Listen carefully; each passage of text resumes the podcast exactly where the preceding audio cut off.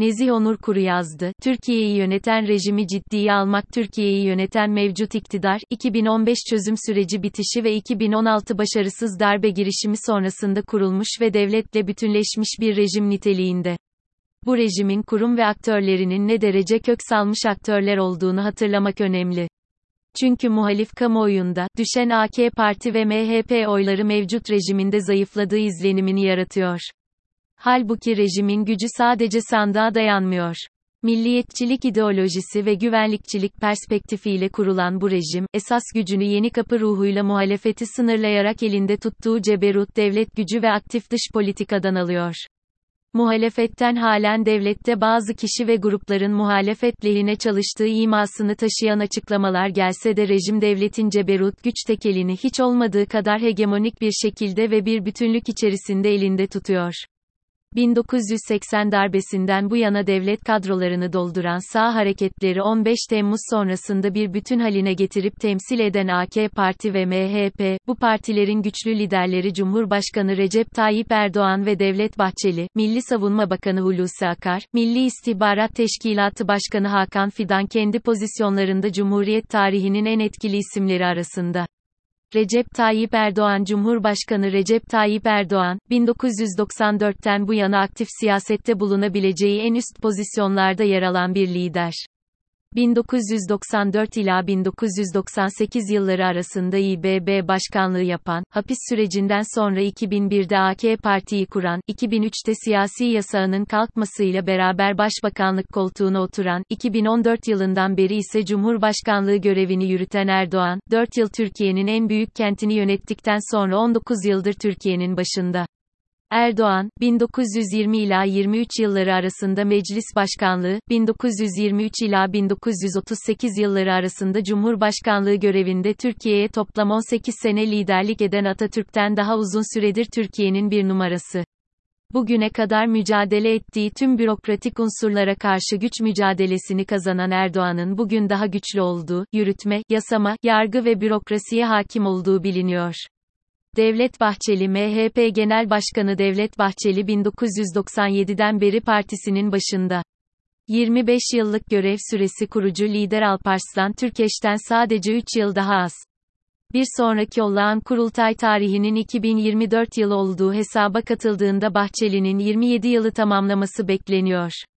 Bahçeli, Türkeş'ten farklı olarak MHP'yi merkez siyasetin belirleyici aktörlerinden biri haline getirirken, merkez sağ seçmeninin bir kısmını kendine çekerek partiyi %20'lere yaklaştırdı.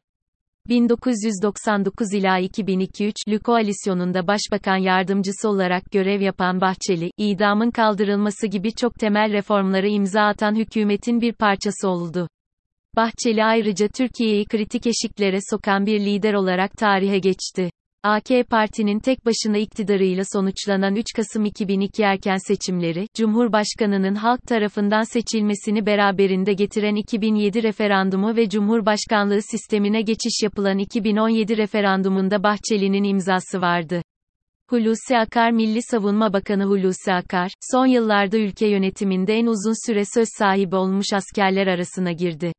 2015 ila 2018 arasında Genelkurmay Başkanlığı yapan Akar, 2018'den bu yana Milli Savunma Bakanı olarak görevini sürdürüyor. Diğer bir ifadeyle Hulusi Akar 2015'ten bu yana 7 senedir TSK'yi yönetiyor. O hal ve yeni kapı ruhu sayesinde muhaliflere yasak ve izinli alanlar tanıma meşruiyetine sahip olan bu rejimin kolay kolay içten güç kaybetmesi mümkün değil. Muhalif kamuoyundaki çatlak beklentisi pek makul görünmüyor. Akar'dan daha uzun süre etkili pozisyonlarda görev yapan iki asker ise Türkiye tarihine geçmiş isimler, Kenan Evren ve Fevzi Çakmak.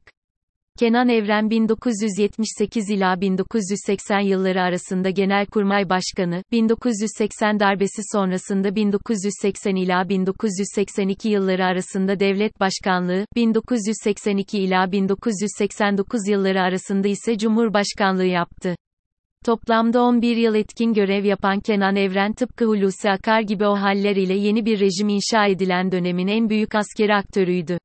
Fevzi Çakmak ise tek parti döneminin Mareşal unvanını almış 21 yıllık Genelkurmay Başkanıydı 1921 ila 1944 yılları arası. Hakan Fidan Milli İstihbarat Teşkilatı Başkanı Hakan Fidan, MIT kurulduktan bu yana kurumu en uzun süredir yöneten bürokrat konumunda. Nokta. 2010'dan 2015'e kadar kurumun başında görev yapan Fidan, dönemin Başbakanı Ahmet Davutoğlu'nun etkisiyle AK Parti'den milletvekili adayı olmak için görevinden ayrılmıştı. Fakat Erdoğan'ın isteğiyle görevine tekrar döndü. 2015'ten bu yana görevini sürdüren Fidan toplamda 12 yıldır MİT'i yönetiyor. Fidan döneminde istihbarat yetkilerinin emniyet ve ordudan MİT'e aktarıldığını ve kurumun istihbarat konusunda hem iç hem dış operasyonlarda tartışmasız şekilde bir numaralı aktöre dönüştüğünü vurgulamak gerek. Sonuç olarak güvenlikçi devlet anlayışını temsil eden bu dört ismin gücünü maksimize ettiği, iç ve dış politikada ideolojik ve pragmatik amaçlarına uygun stratejiler izleyebildiği, o hal ve yeni kapı ruhu sayesinde muhaliflere yasak ve izinli alanlar tanıma meşruiyetine sahip olan bu rejimin kolay kolay içten güç kaybetmesi mümkün değil.